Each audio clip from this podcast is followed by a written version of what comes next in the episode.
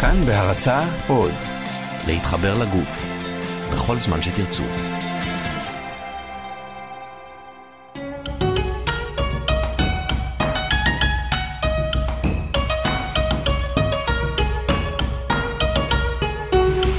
שלמות עם רז חסון התוכנית שלמות מוגשת להעשרה בלבד ואינה מחליפה חוות דעת רפואית. שלום לכם וברוכים הבאים לעוד תוכנית של אה, שלמות, התוכנית השלמה לרפואה משלימה. לי קוראים רז חסון והיום אנחנו נדבר על אה, שני אה, נושאים מאוד מעניינים, שתי מחלות מאוד מעניינות ולא סתם אנחנו מקדישים תוכנית אחת לשתיהן. כי יש ביניהן אה, חפיפה מסוימת, ואנחנו בשעה הקרובה נראית ממש אה, לעומקן, יחד עם אה, איה הוד, הנטורופטית ומנכ"לית המרכז לנטורופתיה ורפואה משלימה. היי איה. אהלן, מה שלומך? בסדר, מה קורה? כיף להיות פה שוב. כיף לארח אותך שוב, כיף לארח אותך כל פעם, אה, וכל פעם יש לנו נושא מרתק אחר, והיום אנחנו באמת מדברים על אחד הנושאים שהם לא רק אה, הכי מעניינים, אמ, זה גם באמת אחד הנושאים היותר מסתוריים, אמ, ואולי אה, זו פעם ראשונה שאתם שומעים את המושג הזה שנקרא פיברומיאלגיה, נכון? זה משהו שהוא חדש באופן יחסי. נכון? הוא לא, הוא לא תמיד היה קיים. נכון, פיברומיאלגיה. בשם הוא לא היה קיים, בתסמינים הוא היה קיים. לגמרי. אז אנחנו נדבר היום גם על זה, וגם על uh, uh, תסמונת העייפות הכרונית, שזה כרוניק פתיק סינדרום, או בקיצור CFS, שגם מכירים אותה בשם מחלת היאפים. מחלת היאפים. כן. כי ו... למה? Um, זו מחלה שמאופיינת, תכף אנחנו נרד לעומק, מאופיינת בהמון... Uh, עייפות שמתפרשת לפעמים כעצלנות. סוג של התפנקות מהחיים. התפנקות מהחיים, כן. אמ, וזאת בעיה, כי עד לא מזמן אנשים שהיו באים עם אה, פיברומיאלגיה או עם תסמונת עייפות הכרונית לרופא, אז מה היו אומרים? הכל בראש שלך, אתה עצלן. נכון. לא היה סימוכין בשום בדיקה להראות שקיימת בעיה. והאנשים האלה באמת היו בבעיה, כי הם באים לרופא. אין כלום, הכל בסדר איתך, נכון, הכל בראש נכון. שלך. עשינו בדיקות, עשינו צילומים, עשינו בדיקות דם, עשינו אה, CT אה, של פרקים מסוימים. אה, והכל פיקס, ואתה מתלונן, כנראה שהבעיה היא אצלך. אז לא סתם פתחתי ואמרתי שהמושג עצמו הוא חדש, אבל התסמינים עצמם הם ישנים, פשוט לא ידעו במשך המון זמן. אה, להגדיר אותם. נכון, ולשמחתי הרבה, היום כבר יש מודעות מאוד גדולה לגבי הסינדרומים האלה, יש הכרה של הממסד הרפואי, אה, לאט לאט גם יש הוכחות מדעיות שמסבירות שזה באמת לא הכל בראש.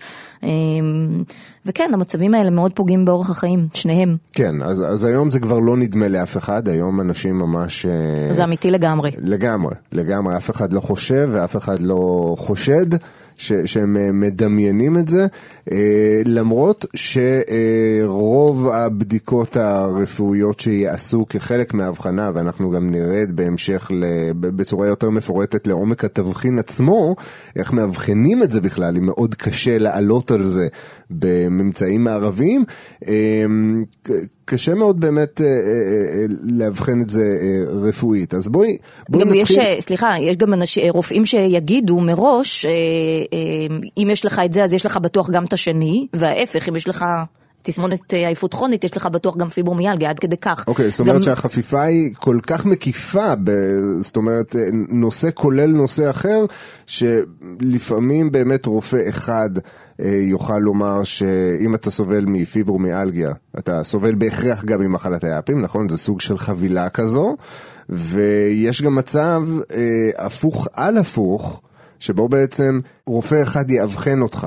כ-X, נכון. כפיברומיאלגיה, ואחר יאבחן אותך כמחלת היאפים, נכון, לצורך העניין. נכון. ורופא אחר יעשה את זה, כאילו יעשה את זה הפוך לגמרי. נכון. אז זה עד כדי כך נזיל. נכון. אוקיי.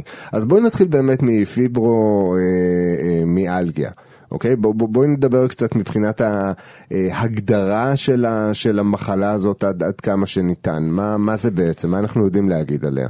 אז קודם כל, למי שלא מכיר, בעצם פיברומיאלגיה, או בקיצור פיברו, אה, זה מצב של אה, תשישות קשה עם כאבים, זה מצב כרוני, זה כאבים בשרירים, כאבים מפושטים, זה יכול להיות גם כאבים של מפרקים, גם של גידים, גם של אה, רצועות. זה לא מחלת מפרקים או דלקת מפרקים, בגלל זה זה גם לא גורם דלקת. לדפורמציות, ל... לעיוות. עיוותים, כן, כן. לעיוותים, כי זה לא מחלת מפרקים דלקתית. אה, כי מדובר גם ברקמות רכות, אה, בליגמנטים, ברצועות, בגידים, ופשוט כאב מפושט בכל הגוף, כולל קשיון, קשיון בוקר, שקשה להניע. את הגוף. כן. פעם, אה, דרך אגב, המונח מיאלגיה mm-hmm. זה פירוש כאבי שרירים. כן. ופעם... שפיברו זה כאילו הרקמה הרכה, כן. רקמת כן. החיבור של השרירים ש... שבה הבעיה בעצם. בדיוק, ובעבר... היו קוראים לזה פיברוסיטיס, כמו שכל מה שמשתמש באיטיס, מסתיים באיטיס זה, זה דלקת. דלקתין, כן. נכון. אז פעם היו קוראים לזה פיברוסיטיס כי היו חושבים שהדלקת היא הגורם לכאבים האלה, היום יודעים שזה לא. נכון שדלקת יכולה להתקיים ברקע, אבל היא לא הגורם. אין יש, קשר. אין קשר. לא יש אנשים עם פיברומיאלגיה שאין להם בכלל דלקת. כן, זה יכול להיות מצב. זה לצורך העניין אנשים שיש להם פיברומיאלגיה ויש להם ציפורן חודרנית. זאת רמת הקשר, כן. נכון? לא חייב להיות לא קשר חייב למרות להיות. ש... מאוד קל לשייך את זה כשיש לך נניח איזושהי דלקת במרפק ויש לך גם פיברו, אז מאוד קל לחשוב שהם קשורים אחד לשני, אבל נכון. הם לא. הם יכולים להתקיים במקביל. לא, ובגלל זה גם לא קוראים לזה כבר פיברוסיטיס, קוראים לזה פיברומיאלגיה, כי לא חייבת להתקיים דלקת, mm-hmm. וזה באמת כאב מאוד אה, קשה בשרירים, בליגמנטים, במפרקים, ברצועות. ו... אגב, כשאנחנו אומרים דלקת, לדלקת יש גם מאפיינים מאוד ברורים נכון. כדי לקיים דלקת. מעבר לשקיעת דם ודברים כאלה. מעבר לבדיקות דם, כן. אה, כן. ש- ש- שקובעות באמת, מאבחנות, אה, נקרא לזה... כימית ש, שישנה דלקת, יש גם uh, תסמינים חיצוניים, נכון? נכון, מפרק אדום, נפוח, כואב, חם, חם למגע. למגע, כן. נכון, אלה תסמינים, הם לא חייבים להתקיים לא. כי אין לא. קשר אמרנו. נכון. אוקיי. דלקת יכולה להתקיים במקביל, אבל היא לא... היא לא הגורם. כן. ואחד הדברים ששמו לב, שיש מקומות שהם יותר מושפעים מאחרים בפיברומיאלגיה. למשל, האוקסיפוט, שזה החלק האחורי של האור, האור, הראש בעורף שם. אוקיי. הצוואר, הכתפיים, בית החזה, הגב התחתון, וגם ירכיים. זה בהגדרה של פיברומיאלגיה, האזורים שסובלים יותר. אוקיי. Okay. אוקיי. Okay. אלה האזורים שנוטים יותר ל- ל- לכאבים, ו- ושם בדרך כלל מי שסובל מהם אה, חש אותם. עכשיו, אם אנחנו מדברים על שכיחות באוכלוסייה, זה משהו שתמיד משעשע אותנו לדבר עליו, משעשע במרכאות. אנחנו תמיד מדברים על זה שנשים סובלות יותר, נכון? יש כל כך הרבה דברים שנשים חשופות אה, אליהם יותר, אז גם במקרה הזה... אבל בי פאר במקרה הזה. בי פאר במקרה כן, הזה. כן. על כמה אנחנו מדברים? תראה, בתסמונת העייפות הכרונית אפשר להגיד שפי שלוש עד חמש יותר אצל נשים. זה המון. כן. הרבה יותר נשים מגברים. אוקיי. חד משמעית, בצורה מאוד ברורה. חשוב גם להגיד, נשים לבנות יש להן עדיפות אה, במרכאות אה, ללקוט בעניין הזה. אה, מבחינת אה, פיברומיאלגיה, אה, הנתונים הם פחות או יותר זהים. מבחינת השכיחות באוכלוסייה, מדובר על בין 2 ל-4 אחוזים אה, מהאנשים. אה, מבחינת אה, רוב האנשים, אגב, כאילו 90 אחוז מסך כל החולים בפיברומיאלגיה הם, הם, הם נשים למעשה, כן. והן רובן בין הגילאים 20 עד 40, 20 עד 50, שגם כאן יש חפיפה, נכון? כן. בין, בין זה לבין CFS. בסך הכל אותן אוכלוסיות חשופות לשתיהן. וגם ילדים יכולים לחלות במחלת תסמונת העייפות הכרונית ובפיברומיאלגיה, נכון. אבל השכיחות היא הרבה יותר נמוכה. נכון. דרך אגב, גם הפרוגנוזה שלהם היא יותר טובה, היציאה מהמחלה. אצלנו בקליניקה מטופל כרגע בחור שהוא היום בשנות ה-20 לחייו. צעיר. והוא, כן, והוא סובל מפיברומיאלגיה, זאת אומרת הוא אובחן. כסובל מפיברומיאלגיה, מגיל 14. וואו. מגיל 14 הוא סוחב את זה. כבר שש שנים. שש שנים, וזה, מי, ש, מי שסובל ומכיר יודע שכל יום counts, כל יום זה באמת נכון. מאבק מחדש של להישאר בקו הממש שפיות כדי שתוכל באמת לתפקד.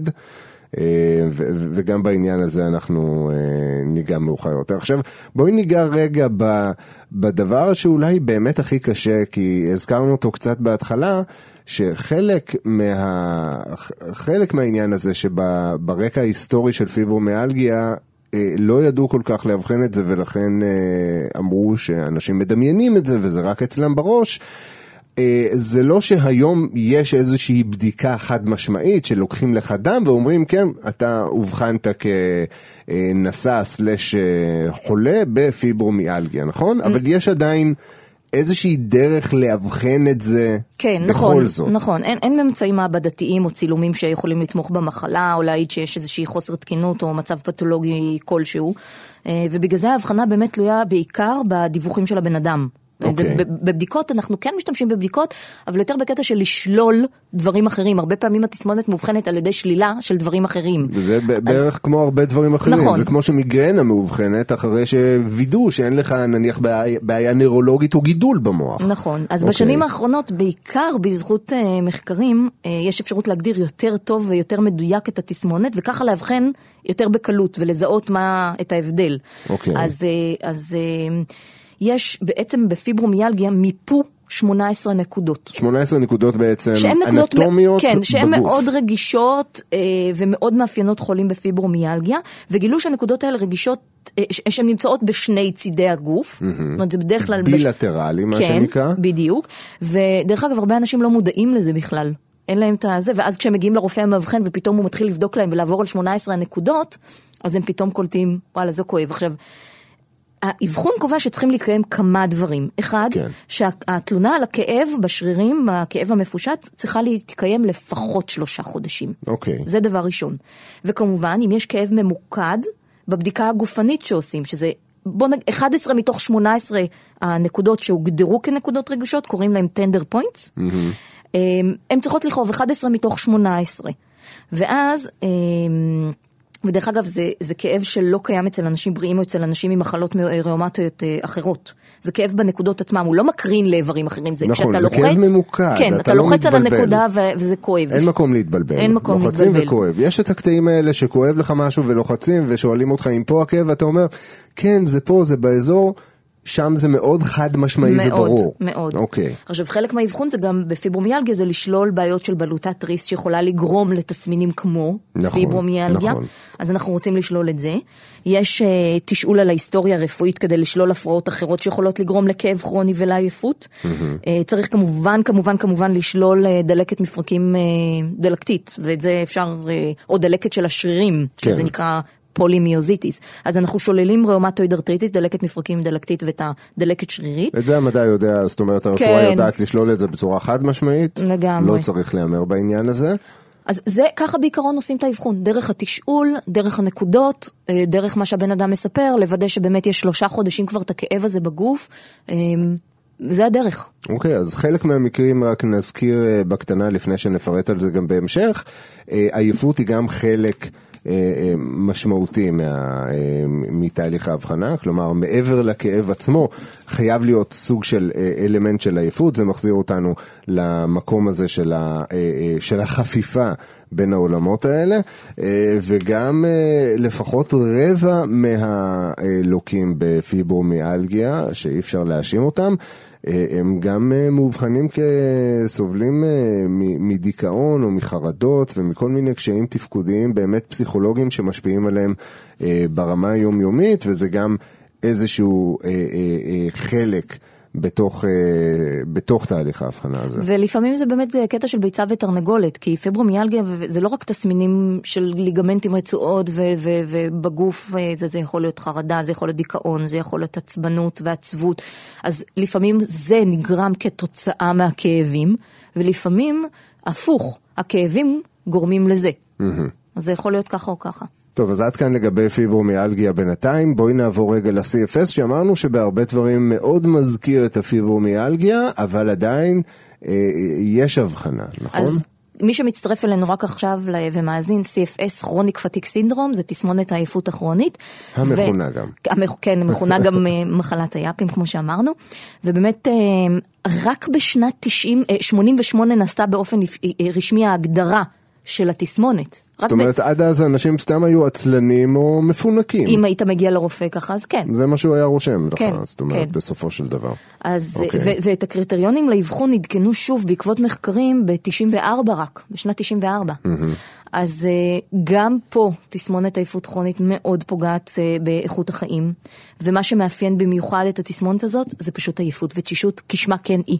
כן. אבל זה עייפות ותשישות עד כדי נטרול של בן אדם מהפעילות היומיומית הרגילה שלו כן, לגמרי. אנחנו לא מדברים על מצב שבו לא ישנתם צהריים ואתם קצת עייפים בערב, או שקמתם אחרי שישנתם לא ממש טוב כי הכלב של השכנים נבח כל הלילה, אנחנו מדברים על סמרטוטיות מוחלטת. לא, זה משהו על מאוד- אפיסת כוחות כן, ממשית. כן, מאוד מאוד קשה.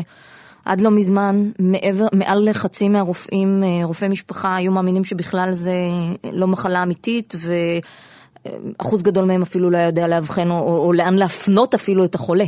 כן, כי לא יודעים כל כך מה לעשות איתם כן, בעניין הזה. נכון. אז מבחינת ההיסטוריה של זה, אז אנחנו יודעים בגדול שזה משהו שאנשים סבלו ממנו במשך אה, עשרות שנים, אבל רק בשנים האחרונות באמת, בוא נגיד ב-20-30 השנים האחרונות התחילו באמת לאבחן את זה כאיזושהי בעיה אה, ממשית, ולא סתם כאיזשהו אורח חיים מועדף של אדם כזה או אחר. אה, מבחינת השכיחות אה, באוכלוסייה, דווקא במקרה הזה, הכרוניק פתיג סינדרום הוא קצת יותר מעודן מהפיברומיאלגיה, זה מאובחנים, חצי מאחוז מאובחנים כ- כסובלים אה, מה, מהמחלה הזאת, ו, אבל בדומה לפיברומיאלגיה, מרבית החולים, אמנם השכיחות היא לא כזאת אה, היסטרית ודרמטית, אבל גם מתוך החולים, אה, רובן, 90 אחוזים מהן הן נשים, לבנות, גילאים 20 עד 40, אה, 20 עד, אה, עד 50, למרות שכמובן יש גם גברים. ש... אה, שלוקים בה. עכשיו, מבחינת העייפות עצמה, כחלק מה... נקרא לזה התסקיר, אנחנו מדברים על עייפות כרונית, אה, איך בן אדם יכול אה, להבין שיש לו עייפות כרונית חריגה, כמה זמן הוא צריך לסחוב אותה? לפחות שישה חודשים. חצי שנה כן, לפחות. לפחות חצי שנה. אוקיי. ובאמת כחלק מהאבחון, אז קודם כל הרופא, המאבחן, צריך לשאול על התסמינים. וכמובן צריך לעשות גם בדיקות דם ושתן כדי לשלול מחלות אחרות שיכולות לגרום לעייפות, כמו אנמיה, תת פעילות בלוטת ריס, קנדידה, אה, אפילו נרקולפסיה, שזה הפרעת שינה, של ממש בן אדם נכנס להתקפי שינה, שזה מאוד יכול לבלבל עם אה, תסמונת עייפות כרונית. אוקיי. אז אה, מי שלא יודע מה זה נרקולפסיה, צריך לאבחן את זה, רופא צריך... נרקולפסיה זה מצב שבו אתה פשוט נרדם בכל נרדם. מיני מצבים. כן, אתה בן יכול- אדם, באמצע דיבור עם בן אדם אחר, פשוט נרדם. בדיוק. אוקיי. צריך uh, לשלול uh, בתסמונת עייפות הכרונית גם תסמונת דום uh, נשימה בשינה. כי בן אדם שמפסיק לישון, uh, לנשום כל כך הרבה פעמים בלילה יכול לסבול מעייפות מאוד קיצונית. נכון. וזה בכלל לא בהכרח תסמונת עייפות כרונית, זה פשוט תסמונת דום נשימה, הוא צריך לטפל בזה, ואז הבן אדם יהיה בסדר. צריך uh, uh, לשלול טרשת נפוצה.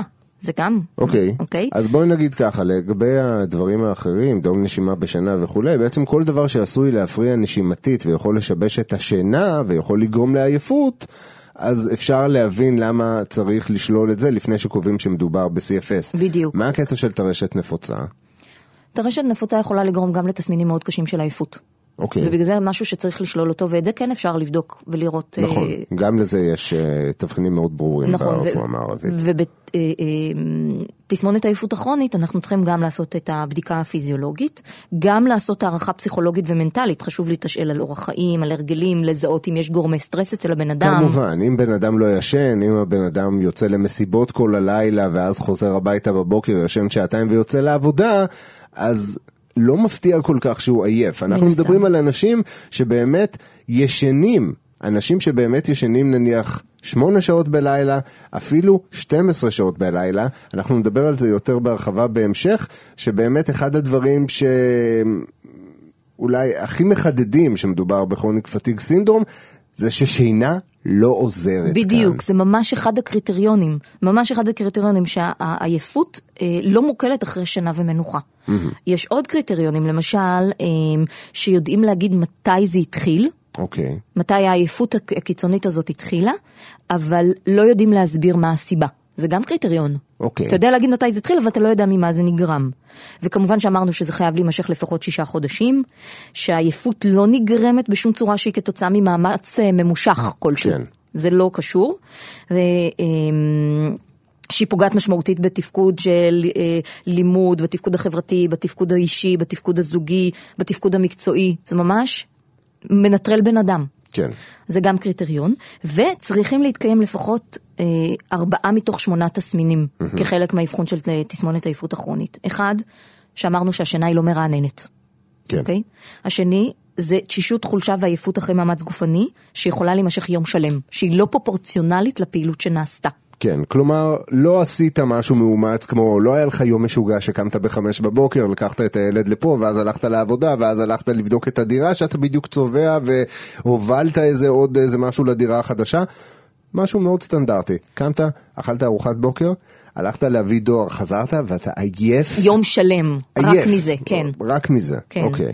ירידה ביכולת הריכוז והזיכרון לטווח קצר. נפיחות ורגישות בבלוטות לימפה זה גם משהו שבודקים. כן. כאבי גרון, כאב, כאב ראש חדש, מה הכוונה כאב ראש חדש? או משהו שהוא פתאומי הופיע ואף פעם לא סבלת מכאבי ראש, או כאב ראש שמופיע בתדירות, שהיה לך אותו פעם, אבל פתאום התדירות הפכה להיות יותר גדולה. אוקיי. אה, כאבי שרירים או מפרקים שאין להם סימני דלקת, והפרעות שינה. אלה שמונה הדברים שצריכים ארבעה מתוכם לענות בחיוב כחלק מהאבחון של אוקיי. התסמונת. אוקיי, אז בואי נדבר באמת אה, אם, אם אפשר, אה, אם אנחנו יודעים למה בכלל זה קורה, מה, מה הגורמים לכל אחת מהמחלות האלה?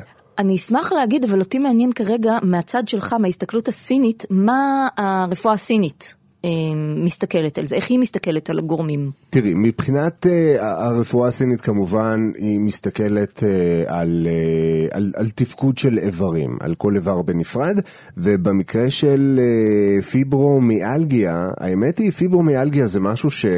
Uh, למרות שברפואה המערבית לא ידעו כל כך איך להגדיר את זה, כלומר דיברנו על זה בהתחלה ממש בקטנה שחשבו שבאמת מדובר באיזושהי הפרעה פסיכולוגית של אנשים שמדמיינים שיש להם כאבים כאלה חזקים ומי שיש לו פיברומיאלגיה יוכל להעיד שהכאבים באמת כאבי תופת. נכון. ורופאים בעשורים מסוימים, בתקופות מסוימות, אה, פשוט לא הצליחו לתפוס את הרעיון שיש אנשים שמדווחים על כאבים כל כך חדים, ומצד שני בבדיקות... הכל בסדר. הכל בסדר. כן. אז זאת הייתה ההנחה היחידה, ודווקא בכתובים הסינים יש תיעודים. לפיברומיאלגיה, באמת? מבחינת תיאורים. זה יש מעניין. לה, יש לה שם אחר לחלוטין, אבל, אבל יש את התסמינים האלה. עכשיו, ההגדרה מבחינת uh, התנאים להיווצרות פיברומיאלגיה, ב- ברפואה סינית היא מתרכזת בתפקוד של, ב- בתפקוד של שני איברים מרכזיים, שזה הטחול והלב. ויש גם uh, מעורבות כמובן של הכבד, כי אם דיברנו על הסיבות uh, שיכולות uh, לגרום לזה, או אנחנו עוד רגע נדבר על זה קצת יותר בהרחבה, um, הרבה מהלוקים בפיברומיאלגיה בעצם מתארים את נקודת המפנה בחיים שלהם בעקבות טראומה. שהם, שהם עברו. טראומה זה משהו שאנחנו יודעים שהוא מאוד טעון אה, רגשית, זה, זה פחות או יותר ההגדרה של טראומה. שזה גם מאוד תואם את, ההגדר... את הגורמים המערביים. המערביים, יש כן. קורלציה לעיתים בין הדברים, ובמקרה הזה באמת הכבד, שהוא זה שאחראי על ויסות הצ'י, בעצם על הזרמת הצ'י, האנרגיה שאנחנו אה, כל כך אוהבים לדבר עליה ברפואה הסינית, אה, לשאר האיברים, כדי שהם יתפקדו כמו שצריך.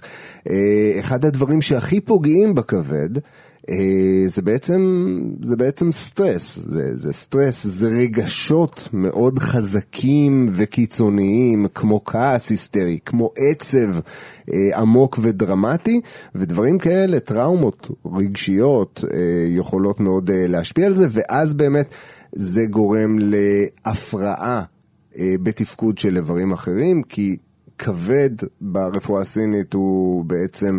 ה... נקרא לזה הבריון בשכונה, כשהוא יוצא מאיזון, הוא נטפל לאיברים האחרים. ומשבש את הפעילות שלהם. אז דיברנו על הטחול ועל הלב, אז הטחול אה, הוא ברפואה הסינית האיבר ששולט על הרקמות הרכות, על הגידים, אה, על השרירים, ובעצם כש...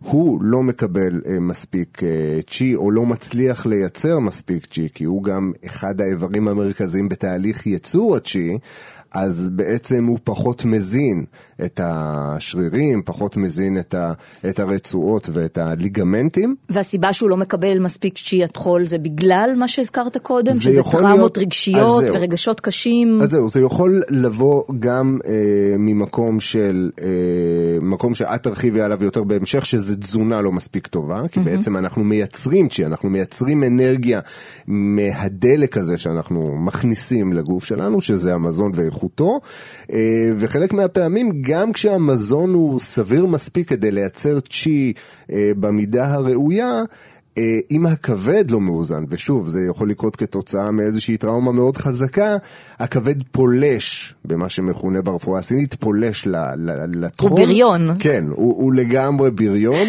ו, וכמובן לא מדברים על פולש פיזית, כן, שני האיברים עדיין נמצאים רחוקים אחד מהשני ולא מתערבבים כל כך, אבל uh, הוא פולש בתפקוד שלו לתפקוד של הטחול, ו, ובעצם משבש את הפעילות שלו, וזה בא לידי ביטוי בשלל מופעים, זאת אומרת גם שלשולים, גם uh, uh, מין תחושת uh, כבדות כזו בגוף והצטברות של החוט, דברים שפחות קשורים לעניין הזה, אבל בהחלט יכולים לבוא לידי ביטוי, והמעורבות של הלב, שהלב הוא מה שמוגדר ברפואה הסינית, אמ, הלב הוא הקיסר. הלב הוא הקיסר, שם בעצם יפה. שוכנת השן. השן זו בעצם הנפש, ה... אה, אני, אני מחפש את ההגדרה הראויה. הנ- הנפש השלמה, יש חמש אה, נשמות ברפואה הסינית, והיא שוכנת בלב.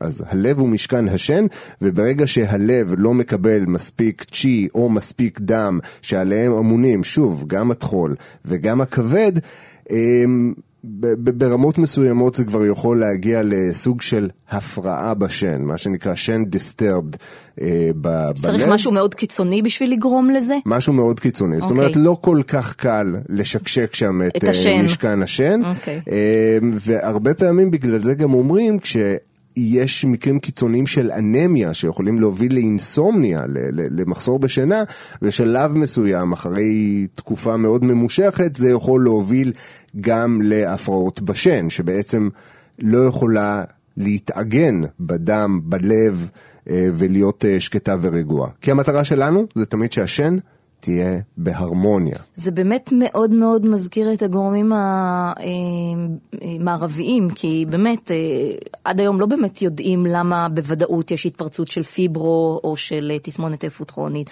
אבל יש השערות, אז כמו שאמרנו, את הסטרס ואת הדחק ואת הלחץ או טראומה. טראומה יכולה להיות גם נפשית, גם פיזית, כמו תאונת דרכים. תאונת כמו... דרכים לגמרי יכולה להדליק משהו כזה. לגמרי, או אפילו מחלה ויראלית קשה.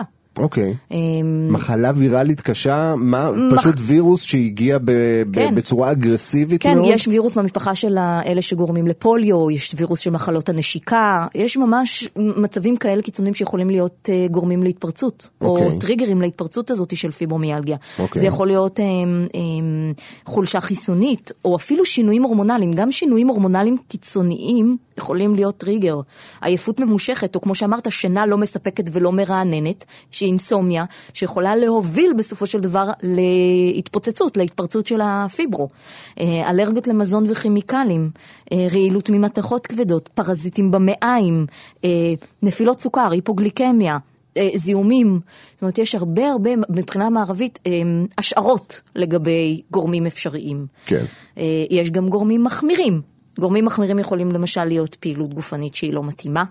גורמים מחמירים, כלומר אנשים שכבר אובחנו כלוקים בפיברומיאלגיה, כן. פעולות שיכולות להחמיר את המצב. הפעילות שיכולות להחמיר את דרך המצב. אגב, בפיברומיאלגיה מאוד חשובה הפעילות הגופנית, אבל אם היא לא מותאמת היא יכולה להחמיר את המצב. גם יציבה לא נכונה, כן. אם בן אדם יושב לא נכון או הולך לא נכון, זה יכול להחמיר את המצב של הפיברו.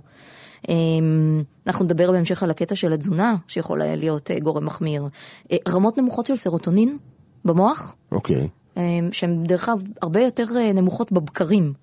אז הרבה, חלק מהטיפול התזונתי שאני נותנת זה להעלות את רמות הסרוטונין במוח. הרבה פעמים גם ברפואה הקונבנציונלית, חלק מהתרופות שניתנות לטיפול, זה תרופות שמעלות את הרמות סרוטונין במוח. אז תרופות- בוא נזכיר רק סרוטונין מה זה, זה, זה מה שעושה לנו הפי, אם אה, נפשט מצב את רוח זה. טוב, כן, אם אני נכון? ככה בלשון העם. כן. כן.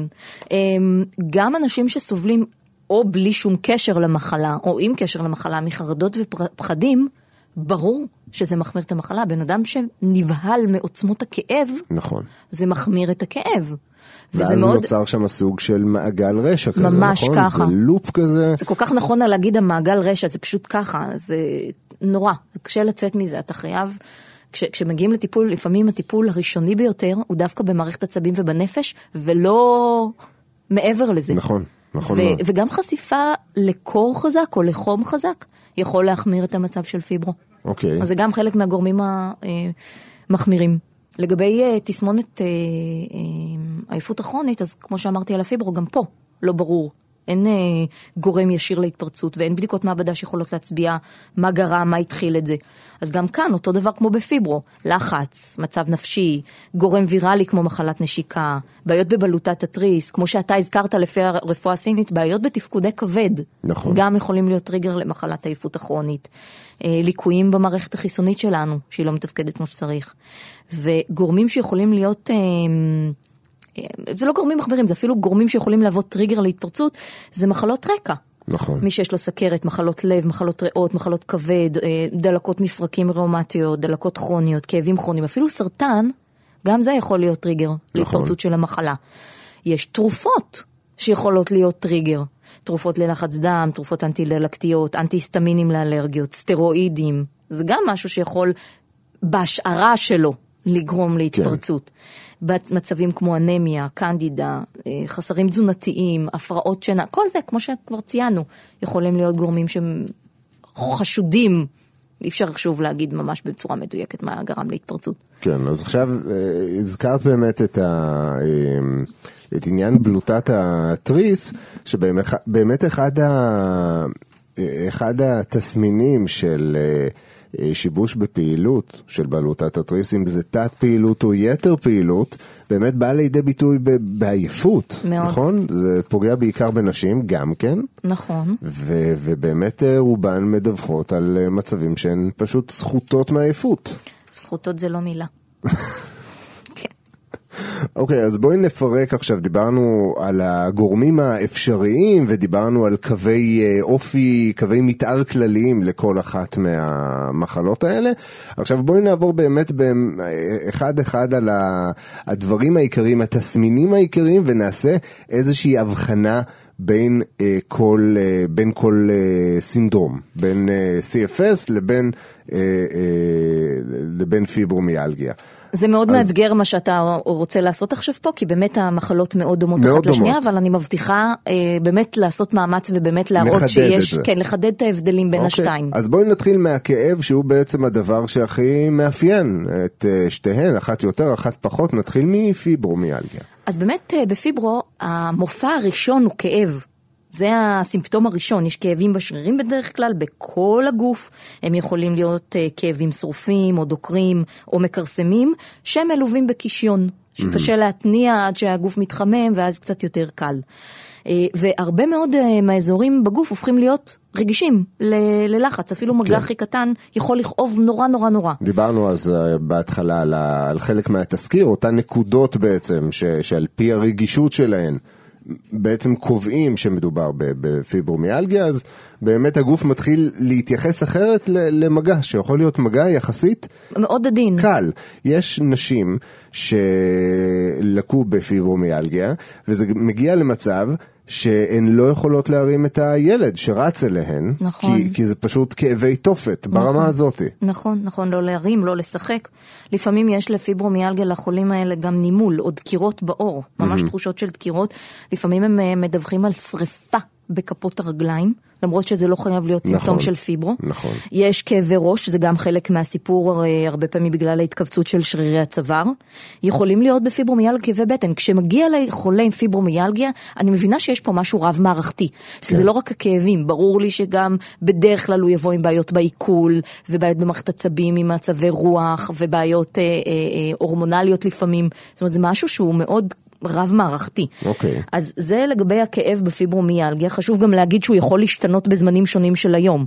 אה, זה יכול להיות, הכאב מושפע, יכול להיות מאורח החיים של הבן אדם, מרמת הפעילות הגופנית שלו, ממזג האוויר, מאיכות השינה שלו, מרמת הסטרס שלו, אבל בגדול, רוב האנשים מדווחים שתמיד, anyway, יש כאב. בכל מקרה יש כאב. כן. אז זה, זה בפיברומיאלגיה, ולגבי uh, CFS, um, יכולים להיות כאבים ומיחושים, יכולים, הם גם יכולים להיות מופיעים uh, בכל הגוף ובמובן הזה להזכיר את הפיברומיאלגיה. Um, יכולים להיות כאבי ראש, יכולים להיות כאבים בשרירי לימפה. אז זה um, גם משהו שקיים שם. אוקיי, אז אם כאב זה באמת המופע המרכזי בפיברו, ומופע, נקרא לזה סוג של משני, אבל עדיין משמעותי ב-CFS, יש את אלמנט העייפות שהוא בדיוק הפוך, נכון? שהוא האלמנט הכי מרכזי ב-CFS, והנלווה אה, לפיברומיאלגיה, נכון? זוכר בהתחלה שאמרנו שיש רופאים שאומרים שאם יש לך את זה, יש לך את זה? נכון. זה בדיוק פה נופל העניין הזה, כי יש אנשים עם פיברו שהעייפות שלהם היא בקטנה, היא מתונה. אמ, לחץ נפשי כמובן מחמיר אותה, אבל יש קצת חוסר אנרגיה, אבל הכאב הוא... הכאב הדבר- זה הדבר כן, הדרמטי. זה הדבר הדרמטי. אם אתה שואל אותם במה היית רוצה לטפל, בכאב. שינה כרגע לא על הפרק, אני רוצה שיפסיק לכאוב לי. בדיוק, אבל, אבל, יש הרבה מקרים שהעייפות והתשישות דווקא מהווים בעיה יותר גדולה מהכאב. אוקיי, זאת אומרת, יש מצבים כאלה, ואז מאוד קשה לעשות את ההבדל. נכון. אה, בתסמונת העייפות הכרונית, באמת, העייפות היא מאוד מאוד מאוד קיצונית וקשה. מאוד. בפיברו היא יכולה להיות מתונה, בעייפות כרונית זה מוחלט. כן. זה עייפות מאוד מאוד, אה, תשישות מוחלטת, קשה לעשות אפילו כוס תה, קשה לעלות כמה מדרגות. אה, זה אה, תשישות ברמה שאתם לא יכולים לתאר. לא, אין- ברמה אין שאם לתאר. אתם רואים אדם שסובל מזה באמת, כן. אתם באמת תחשבו שהוא משחק אותה, נכון. כי זה נראה כמו משחק מוגזם. נכון. אתם אומרים לא יכול להיות שאין לך כוח עכשיו לקום מהכיסא שאתה יושב עליו, אבל זאת האמת. נכון. אין לו כוח, הוא טיולים, עייף מאוד. טיולים מבחינתם זה... out of the question. לא, זה בכלל. בלתי אפשרי, כל מאמץ הכי קטן זה רצוי לשכב, לנוח ולישון. זה המצב. וזה לא משתפר. לא. וזה מצב, זה, זה המצב הקבוע, נכון. קונסיסטנטי לגמרי. נכון. אוקיי, אז עכשיו בקטעים האלה זה, זה בדיוק העניין של הביצה והתרנגולת, כי בוא נגיד גם ברפואה סינית, אה, האמת בדומה לרפואה מערבית, אה, אנשים, בוא נגיד אה, לא עלינו במחלקות קשות של סרטן ומחלות כאובות אחרות, הכאב זה משהו שמכלה אנרגיה. זה משהו שמתיש אותך. זו הסיבה שהרבה פעמים אנשים שסובלים מכאב כל כך קשה, ברגע שהם מקבלים סוג של חומר הרגעה, הם פשוט נרדמים. הרבה אנשים חושבים שהחומר אה, הרגעה הוא גם חומר הרדמה, והוא לא. חומר הרגעה הוא חומר הרגעה, והרבה פעמים כשאתה נוטל מבן אדם כאב שהוא סבל ממנו הרבה זמן, הוא פשוט שוקע למנוחה כי זה פשוט התיש אותו. נכון. אז פה יש את העניין באמת של אה, ביצה ותרנגולת, כי פיברומיאלגיה זה בעיקר כאב שמתיש, שמכלה צ'י בעצם, בעצם היותו כאב, ואז הוא יוצר גם עייפות, וב-CFS, כרוניק פתיג סינדרום, אנחנו מדברים בעצם על. עייפות קריטית, שכבר מגיעה לרמות ש... שהן כואבות, שהעייפות כואבת לך כי אין לך כוח להחזיק את עצמך. נכון? נכון מאוד. אז בואי נדבר באמת על האלמנט אה, שלא משתפר ב-CFS. אה, דיברנו על זה שבעצם אחד המאפיינים הוא שאחד התסקירים לקביעה שמדובר ב-CFS זה בעצם עייפות כל כך קיצונית שגם לא מוקלת בכלל בשינה. נכון, בתסמונת עייפות כרונית השינה לא אה, אה, מסלקת את העייפות. מה שכן אפשר להגיד על פיברומיאלגיה בהקשר של אה, שינה, ש... אה, יש הפרעות שינה, יש חוסר בשינה, הרבה פעמים בגלל הכאבים, אתה לא יכול לישון. ברור. אבל משהו, אחד הדברים שמאפיין חולי אה, פיברומיאלגיה זה ששנת הרם שלהם קצרה ושנת הנון רם ארוכה. במילים אחרות, שלבי השינה העמוקים יותר לא מספיק ארוכים, ובגלל זה הם מתעוררים מאוד עייפים, מאוד כואבים, מאוד לא רעננים, מחוקים בקיצור. נכון. כי השינה העמוקה היא מאוד קצרה. נכון. זה- אז אנחנו באמת, אה, כחלק מ... בוא נגיד, כשאנשים הולכים עם הפרעות שינה למעבדות שינה, שבהן הם ישנים ו- ובודקים בעצם אה, אה, עד כמה טוב הם ישנים, כשבן אדם אומר לרוב בעגה, ה... בעגה העממית, לא ישנתי טוב הלילה, הוא בעצם מתכוון למצב באמת שגם אם הוא ישן, הוא לא מרגיש מסופק מהשינה, וזה לרוב נובע מזה ששנת הרם, מעגל השינה העמוק יותר, אה, שהוא לא הגיע אליו או לא שהה שם מספיק זמן. וכדי שאנחנו נלך לישון ונרגיש מסופקים משינה, אנחנו חייבים לשהות בתוך המעגל הזה כמה שיותר. נכון? להגיע למקסימום שהמעגל מאפשר, כי כן. המעגל גם הוא, זה מעגל, שנת נון רם ורם זה מעגל. נכון. זה מהווה מעגל שינה. אבל הרם, לפחות בשלבים הראשונים של הלילה, הוא יותר ארוך. ככל שהלילה מתקדם לקראת הבוקר, אז הוא הולך ומתקצר. כן, אבל בפיברו, הוא קצר על ההתחלה. אתם כמעט לא כן, מגיעים לשם. בדיוק, בדיוק. אוקיי. לגמרי. ואז זה בעצם מה שמסביר גם למה לא מגיעים לסוג של שיפור ב, בתחושה. נכון, אה, יש גם דברים אחרים שפוגעים בשינה בפיברומיאלגיה חוץ מהכאבים, למשל ההתכווסיות שרירים בזמן השינה שזה למות נכון. מהדבר הזה, אה, או הפסקת דום נשימה בשינה כמו שאמרנו, או אה, משהו שנקרא restless leg syndrome, או בעברית הרגל חסרת המנוח. הרגל העצבנית. כן, זה תופעה כן. עצבית שגורמת בצורה בלתי נשלטת להזיז את הרגליים, לא יודעים למה זה נגרם, אבל זה מפריע, מפריע לשינה. זה קורה בדרך כלל גם כשאנחנו נורא עצבניים. נכון. ונורא לא שקטים, אז זה נורא מתחבר אחד לשני. עכשיו, אנשים שמאזינים לנו, חלקם אה, אולי אה, לא שמעו על אה, פיברו ועל אה, CFS אה, מעולם. אה, ואת יודעת מה, יכול להיות שהם סבלו מתסמינים כאלה ואפילו לא האמינו לעצמם שמדובר במשהו אחרי שהרופא אמר להם שכל התוצאות טובות. אה, אין לכם כלום. אין לכם, כן, אין, אין, אין לכם כלום, זה בדרך כלל מה שאומרים להם, אה, אבל אם מישהו עכשיו מאזין לנו וחושד שהוא אה, נושא משהו כזה ומתחיל קצת להילחץ, אז קודם כל, באמת לכו תעשו את התבחינים ואת התסקירים. אצל הרופאים הנכונים שמאבחנים את הדברים האלה. נכון, לא כל רופא יכול לאבחן את נכון. זה, רופא המשפחה של קופת החולים לרוב לא ייתן לכם איזושהי הבחנה שאתם חולים אה, בפיברומיאלגיה, אה, ויש אנשים שמאזינים לנו והם באמת מהנהנים כל הזמן בעצב עם הראש כי הם מכירים את זה, כי הם חיים את זה יום יום. לגמרי. כמה זמן סוחבים את הדבר הזה? זה לכל החיים? תראה, בפיברו אנשים יכולים לסחוב את זה הרבה מאוד שנים. זה בדרך כלל, אתה שומע אה, אנשים שבאים אליי לקליניקה עם פיברו את הסיפורים של מעבר מרופא לרופא, משיטה לשיטה. הם ממש מחפשים אחרי ריפוי ומזור במשך שנים. כן. אה, מיואשים, אה, אני רואה אותם בקליניקה מיואשים. הם כבר באים והם כבר לא מאמינים שמשהו אפשר, יכול לעשות, אבל הם לא יכולים להרשות לעצמם בגלל הכאבים להרים ידיים. הם חייבים לעשות משהו. אה, ובתסמונת העייפות הכרונית, משך המחלה מאוד שונה מאדם לאדם. זה יכול להיות ממספר חודשים ועד שנים. אז זה לא משהו שחייבים אה, לחיות איתו עד 120, יש כאלה ש... שיוצאים מזה. שמצבם אה, משתפר. כן. האמת היא שמבחינה, שמבחינה אה, סטטיסטית, ב- במחקרים שעשו אה, ומעקבים שעשו אה, אחרי חולים ש- שלוקים בפיברו, משהו כמו אה, 70 עד 80 אחוזים אה, מהחולים יצליחו לחזור לרמת תפקוד אה, מאוד טובה, כלומר מיטבית, אבל לא 100 אחוז. אה, כמו אדם רגיל נניח שלא חווה את זה קודם לכן. וזה אחוזים מאוד יפים. מאוד יפים. מאוד יפים, זה מאוד מעודד מה שאמרת עכשיו. זה נכון, כי זה המצב כל כך, היינו עסוקים כל המשדר, השידור להגיד כמה קשה, ובאמת זה קשה, אבל מה שאמרת עכשיו זה באמת אה, נקודת אור. כן, לא, לא, לא חייבים באמת, אה, אה, זאת אומרת, אם חלה החמרה במצב שלכם, אה, רימיסיה, זאת אומרת נסיגה של התסמינים היא, היא אפשרית. כן. אפשרית לרמה באמת שאפשר לחיות אה, אורח חיים אה, תקין באופן, אה, באופן יחסי.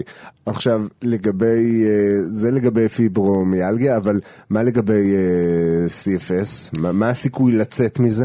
הסיכויי החלמה, הפרוגנוזה ב-CFS אה, לא ממש ברורה. זאת אומרת, אוקיי. עד מה זה היום, אומר? עד היום, כי זה אומר שההתאוששות היא מאוד אינדיבידואלית וקשה לקבוע או לחזות את הפרוגנוזה ב-CFS. יש אה, נתונים שסוברים ששליש מחלימים ויוצאים מהמחלה תוך כמה חודשים, שליש חווה אותה שנתיים, שלוש מאוד מאוד מאוד קשות ואז הוא מחלים, ושליש ממשיכים לסבול גם אחרי כמה שנים. זאת אומרת, מאוד קשה ב-CFS להגיד מה הפרוגנוזה, לעומת אה, אה, אה, פיברו שהיא יכולה לעבור באופן ספונטני אה, עם הירידה במתח. כן. ומאוד חשוב פה העניין של לעשות פעילות גופנית, התמיכה המשפחתית. זה עבודה קשה לצאת מהמחלה, אתה לא תשב בבית, לא תעשה כלום והיא תעבור, אתה כן. צריך לעבוד בשביל זה. ממש, אתה ממש צריך איזה כוח רצון כוח וממש רצון. אה, גם פרקטית אה, לעבוד בזה. ממש. ו- גם אם כואב, לצאת ולנוע ולמתוח את עצמך, גם אם זה כאבי תופת, כאבי תופת ולעשות את זה, חייבים. כן. אז אני אגיד לך משהו יותר, אה, אה, יותר בעניין של, ה, של הפיברו, שהוא מאוד מעניין, שהרבה אנחנו מדברים ברפואה סינית, את הדגל, אה, כלי הדגל של הרפואה הסינית זה בעיקר דיקור, נכון? הדיקור הסיני, ודווקא אה, אה, מחקר שפורסם בנושא הזה של פיברומיאלגיה ומה באמת יותר יעיל, הוכח דווקא שטיפול מגע, טיפול מגע, אה, נמצא הרבה יותר יעיל נניח. אה, מדיקור, שנמצא יעיל גם כן, אבל באמת המגע הוא משהו מאוד מאוד אה, מאוד קריטי לרמות הטיפול, ואני מדבר על ברמה של אה, טיפול 30 דקות. פעמיים בשבוע, מטופלים שטופלו במתכונת הזאת כבר אחרי חמישה שבועות הראו שיפור משמעותי. בתסמינים, אורח החיים שלהם הפך להיות קצת יותר אה, שפוי. זה הם... לא אה, מפתיע אותי, גם טווינה, גם מגע, גם אה, עיסוי, הנגיעה בנקודות הכואבות, העיסוי שלהם, ההזרמה של הדם.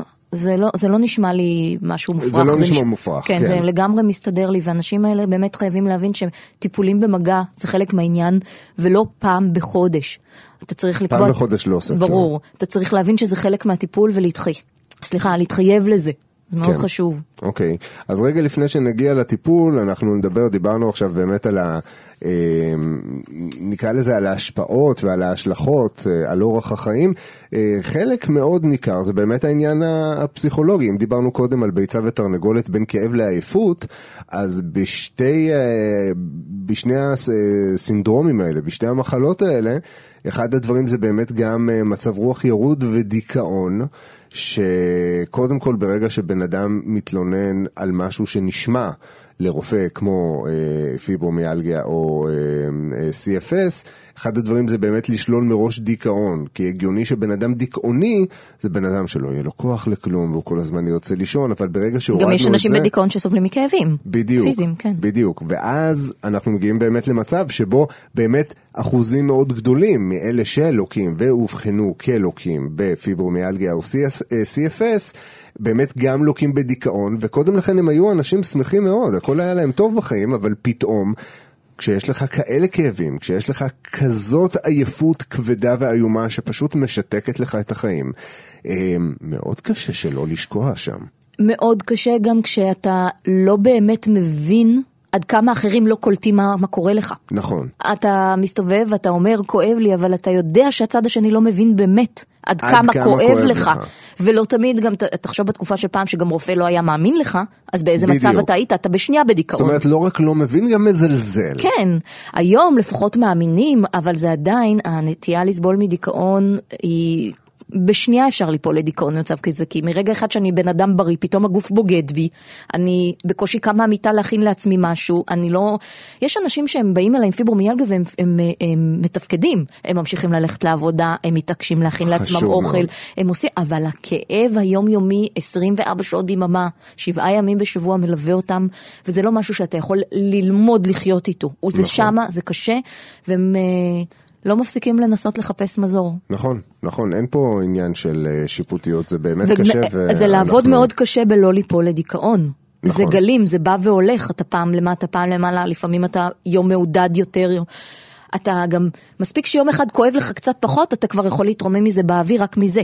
כן. זה ו... ממש מיום ליום, מדקה לדקה, חיים. ועכשיו אנחנו נגיע לעניין הטיפול, אז באמת אחד הטיפולים לפחות שמציעים ברפואה המערבית, לפני שניגע בנטורופתיה ורפואה סינית, זה באמת ברמת המשחררי שרירים, מרפי שרירים.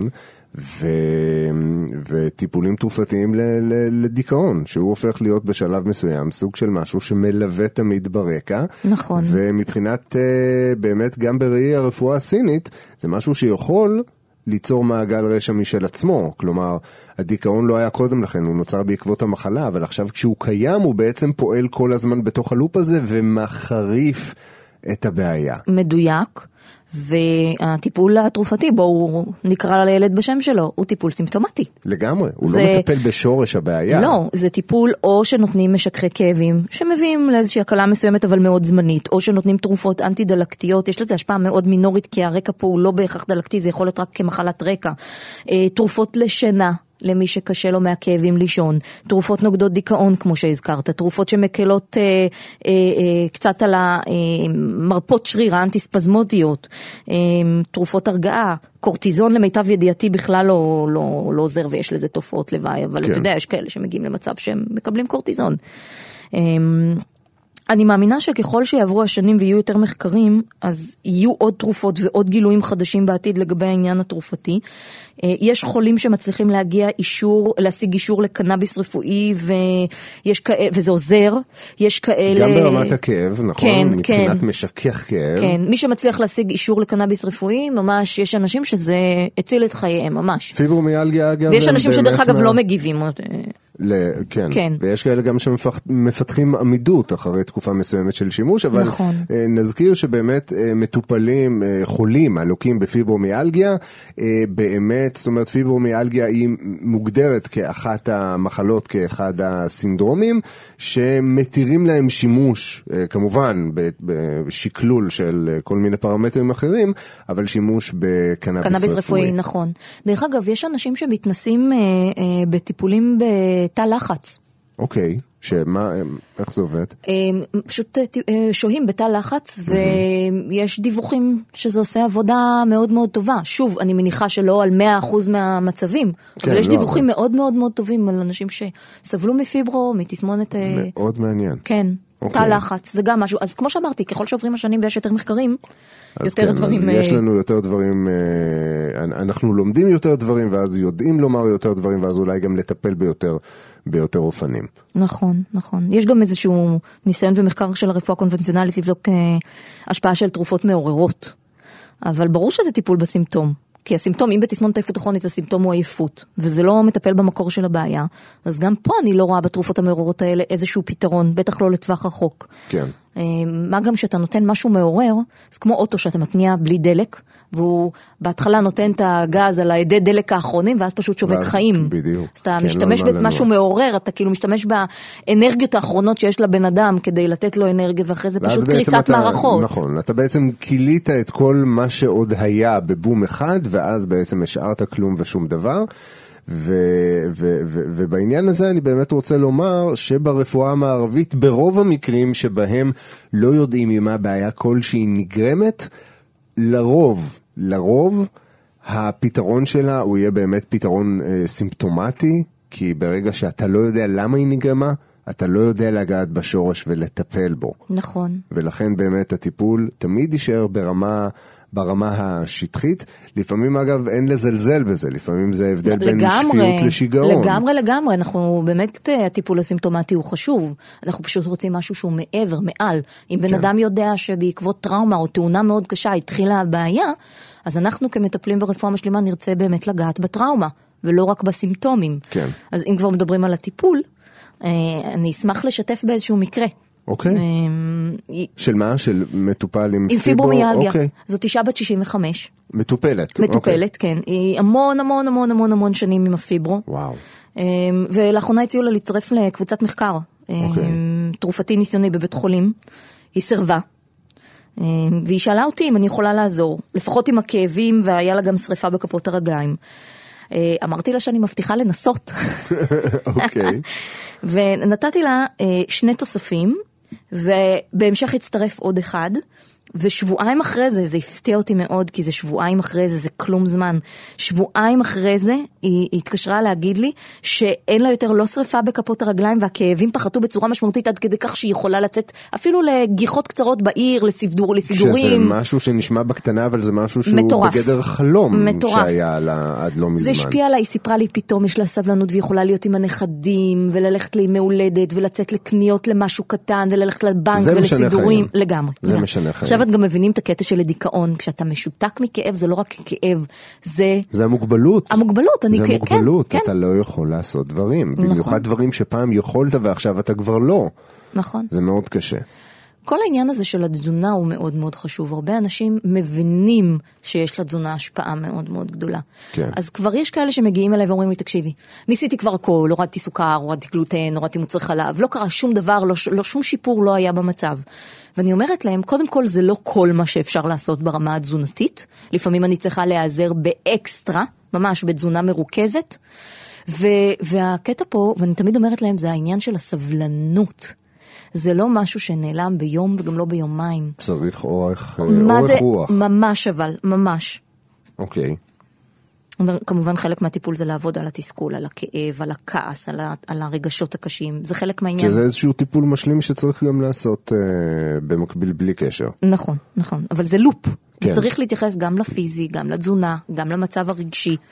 אמ, ומספיק שאני רואה פתאום פיפס הכי קטן בעייפות. לא שהעייפות נגמרת לגמרי, אבל פתאום אומר לי, תקשיבי, היום אחרי צהריים, במקום להתרסק למיטה עד שבע בערב, סחבתי עד אה, שמונה.